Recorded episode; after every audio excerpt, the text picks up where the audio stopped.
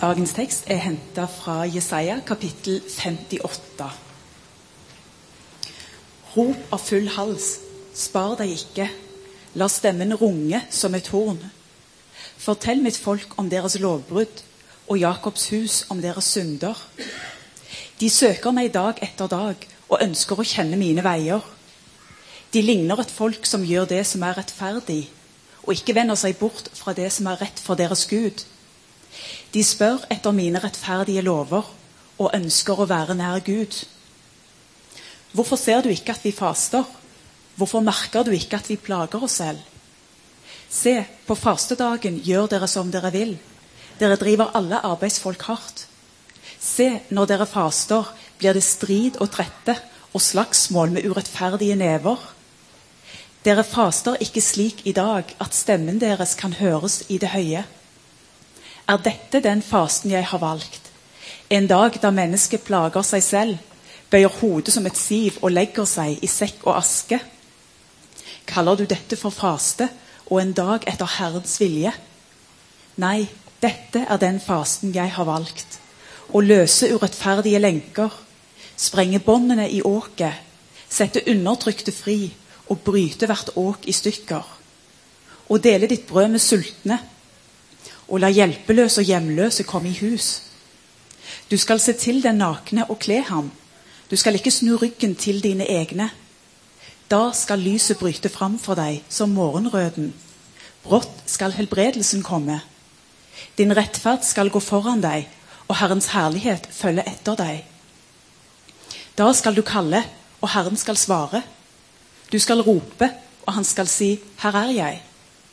Om du tar bort hvert åk hos deg, ikke peker med fingrene og snakker ondskapsfullt, om du gir av ditt eget til den sultne, og selv metter den som lider nød, da skal ditt lys gå opp i mørket, din natt skal bli som høylys dag.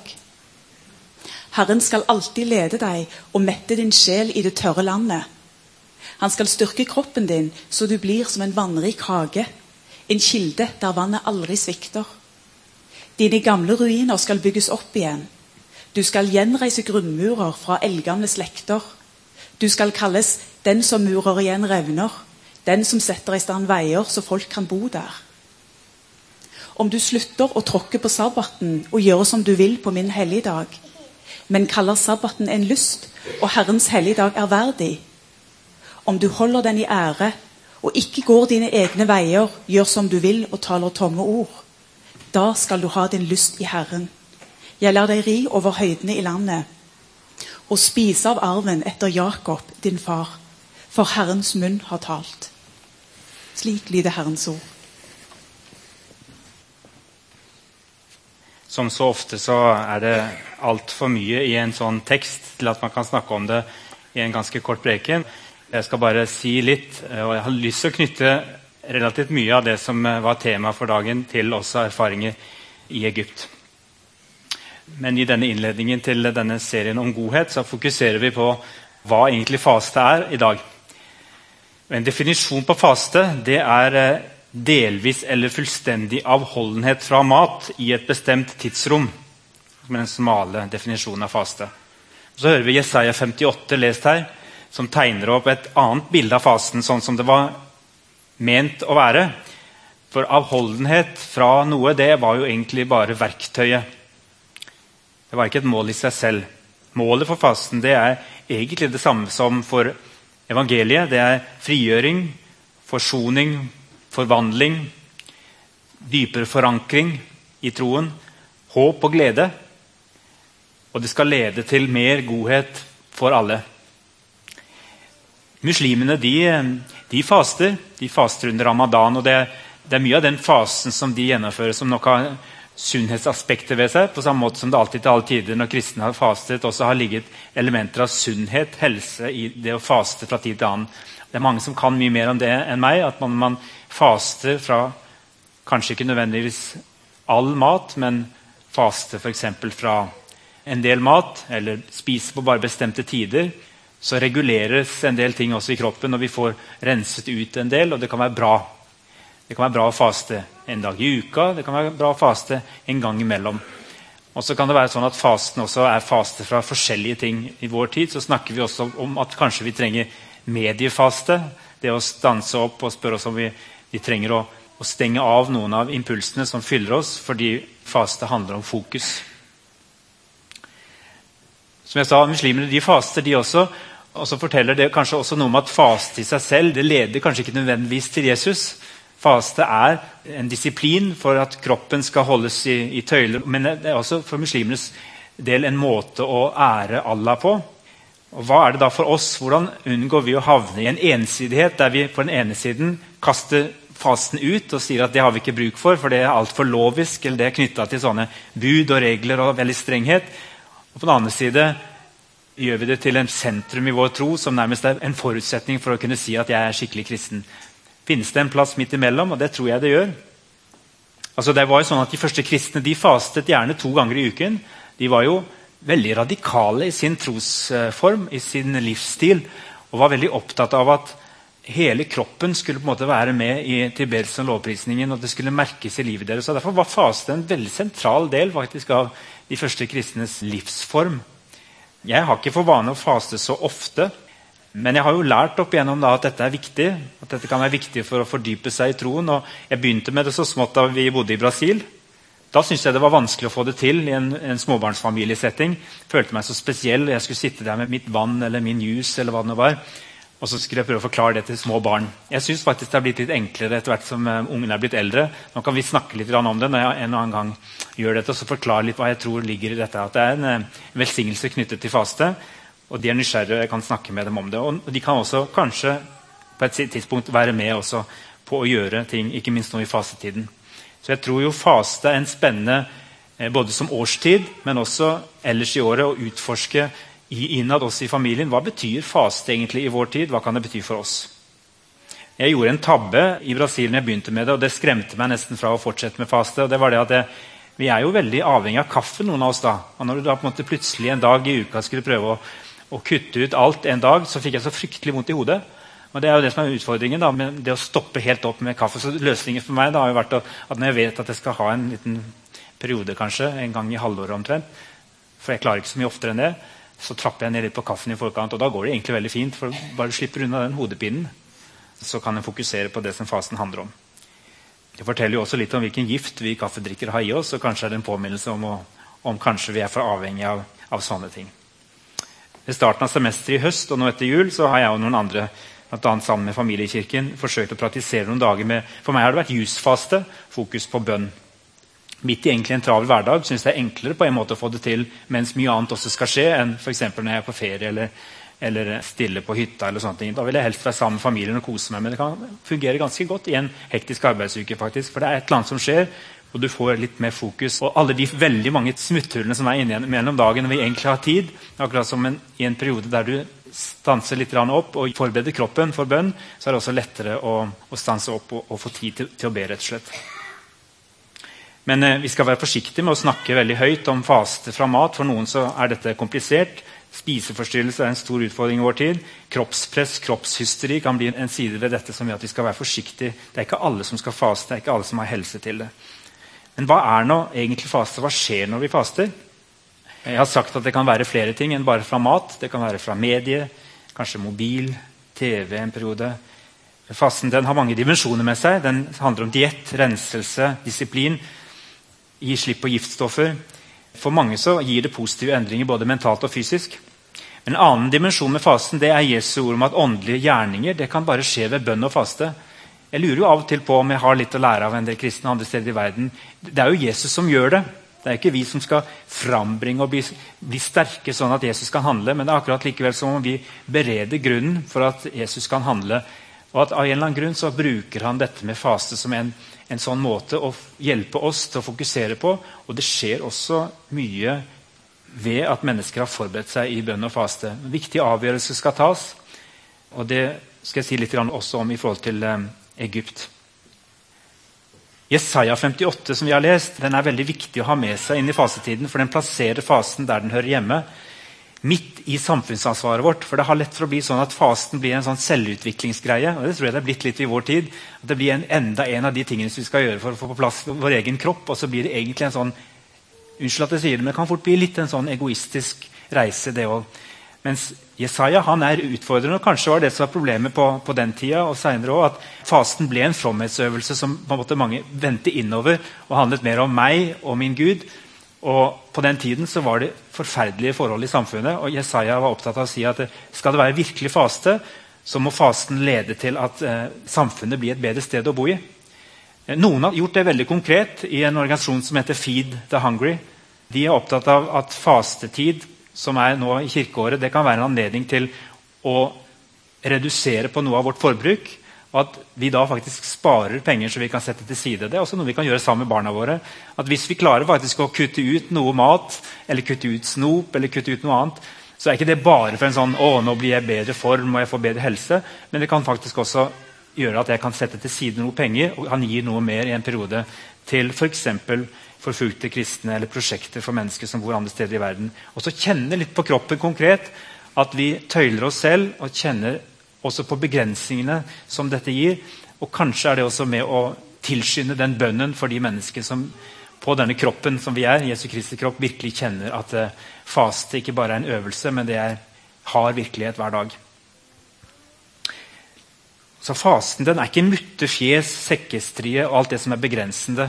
Vi ser også at fasten som Jesaja beskriver det, den rommer løfter i seg. og Så fortsetter han utover. og da, Det må dere gå hjem og lese på nytt. De fantastiske versene om, om hvordan dette nye fromhetslivet, et liv preget av rettferdighet og et blikk utover, det skal gjenreise gamle murer.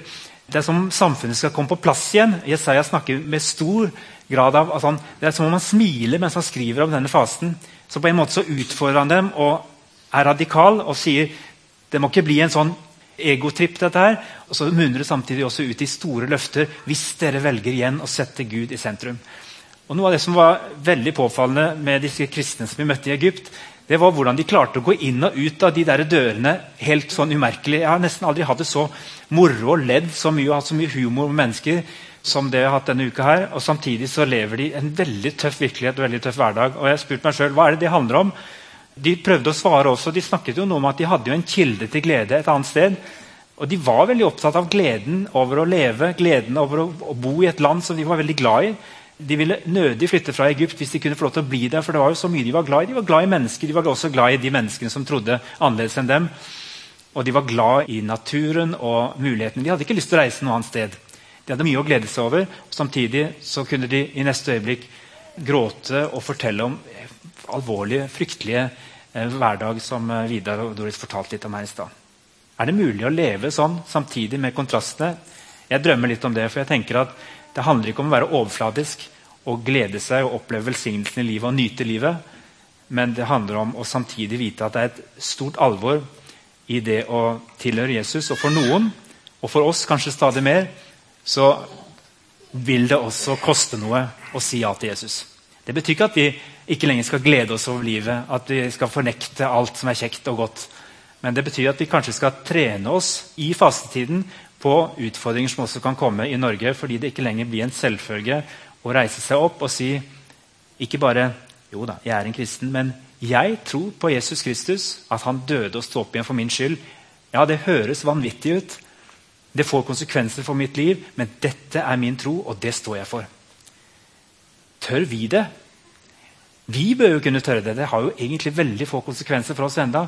Men hva kommer det av at jeg i mye større grad enn de der nede syns at det er litt sånn pinlig og flaut og er redd for å tråkke noen på tærne? Det trenger ikke å være sånn. Jeg tror vi kan være veldig frimodige på det vi tror på, uten at vi skal gjøre det på en sånn måte at vi skyver mennesker ifra oss.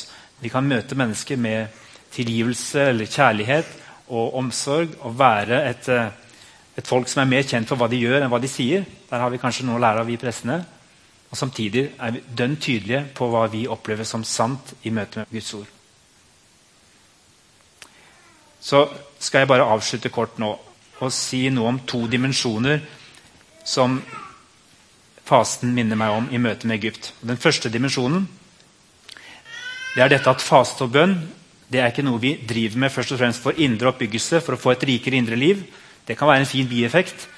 Men det handler faktisk om å bli sterkere i den tjenesten som vi står i midt i samfunnet. og Derfor tror jeg fortsatt vi trenger denne åndelige disiplinen ved siden av bønnen. Hvis vi opplever at det er tungt og vanskelig å be, så kan vi tenke at det må være enda tyngre å faste. Men kanskje er det motsatt. Kanskje trenger vi å utforske litt fasten for å rydde rom for mer bønn i hverdagen vår. For det sier egypterne, de kristne egypterne mye om. Men her handler det om å få overskudd og krefter til å støtte de fattige, undertrykte og stemmeløse, også i vårt samfunn, når det koster. Og Den andre dimensjonen det handler om behovet jeg i hvert fall har for å fordype meg i åndelige disipliner som bønn, bibellesning og faste, som kan høres kjedelig ut og tungt ut, men som jeg har møtt mennesker som snakker om dette med en glede og en entusiasme, fordi det er det som holder dem gående. Det er ikke garantien for om de har eh, lønn neste måned, fordi mange av de har slitt veldig mye med arbeidsledighet og har tøffe ting i det siste. De kommer stadig vekk tilbake til det at eh, ja, men livet kan være vanskelig, men vi har kilden til glede et annet sted. Og den trenger vi hele tiden å minne oss på. Og så tror jeg det er sånn at i den grad Vi skal ikke romantisere forfølgelse. I den grad kristne blir stående gjennom århundrer og ikke har blitt muslimer, så er det fordi de har visst hvordan det er å sette sjøbein, som jeg sier, når stormene kommer. For det er mye, mye enklere for de kristne i Egypt hvis de egentlig ikke vet helt hvorfor de tror på Jesus, og hva dette betyr, og ikke har lært fra de er barn av hva det egentlig innebærer å være en kristen, så er det mye mye lettere å få endra det identitetskortet sitt sånn at det står 'muslim' og ikke 'kristen'. Og hvis det står 'muslim' i identitetskortet, det kan du få gjort på fem minutter, ja, da åpner dørene seg. Da får de jobb. Da kommer de inn på studier vil ha. Og de, de stiller ikke bakerst i køen alle steder. Du, så fristende det måtte være. Hvis de først har endret det, så er det nesten umulig å få endra det tilbake. For man blir jo ikke kristen. Er man muslim, så er man muslim. Men det er veldig lett å bli muslim. Sånn er det i et samfunn der det er blitt veldig skeivt. Og så er det likevel sånn at uh, mange av de velger å stå i dette og være kristne. og Det er fordi de har møtt Jesus. Møtt Jesus som bærer gjennom de tyngste, og som er verdt å satse på, selv om livet er vanskelig. Og så sier uh, en som vi kaller for Mikael Han har et annet navn, men han er en av de som leder arbeidet for Åpne dører i Egypt. Han sier det er mye støv i Egypt. Og Så holdt han fram et blankt, hvitt ark og så sa han, dette arket hvis det blir liggende ute noen få timer, så fylles det med støv. sier han. Og Sånn er det også å være kristen i Egypt. Kanskje tenkte han på ordene fra Hebreerne 12,1.: Så la oss legge av alt som tynger, og synden som så lett fanger oss inn, og med utholdenhet fullføre det løpet som ligger foran oss. Han sa smoggen ligger tett i byen pga. luftforurensningen fra trafikken. Når dere kjører sørover, så kommer dere til å kjenne ørkenstøvet i lufta. Det er altså mye som kan legge seg på oss som kristne her i Egypt, og vi rives veldig fort bort. Men kanskje sa han, har vi en fordel i det at vi kan speile oss i noe som egentlig oppleves fryktelig svart. Et, et, på mange måter et fangenskap for de som lever med radikal islam. Men også veldig mange av de som fylles med, de fylles på en måte med fordommer og tanker om disse andre kristne helt fra de er små. Og Kanskje har jeg blitt litt mer oppmerksom på hvordan det er å leve i et samfunn som er så styrt på alle bedre kanter av islam.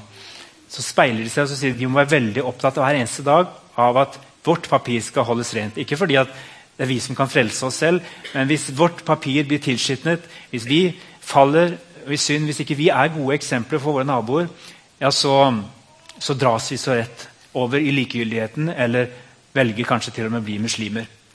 Så Derfor så var han veldig ydmyk i det. Han sa vi har lært veldig mye, ikke minst som evangeliske kristne, i, i de siste årene med revolusjonen som har vært. To revolusjoner. Den første trodde de skulle føre til mye framgang for de kristne. altså ledere til eh, et uh, muslimsk regime som heldigvis bare varte i et års tid, men som bare på det året viste kanskje uh, islams sanne ansikt. Og så etterpå represaliene når det muslimske brorskap måtte trekke seg tilbake, som bl.a. preger veldig det området som Vidar og Doris snakket om.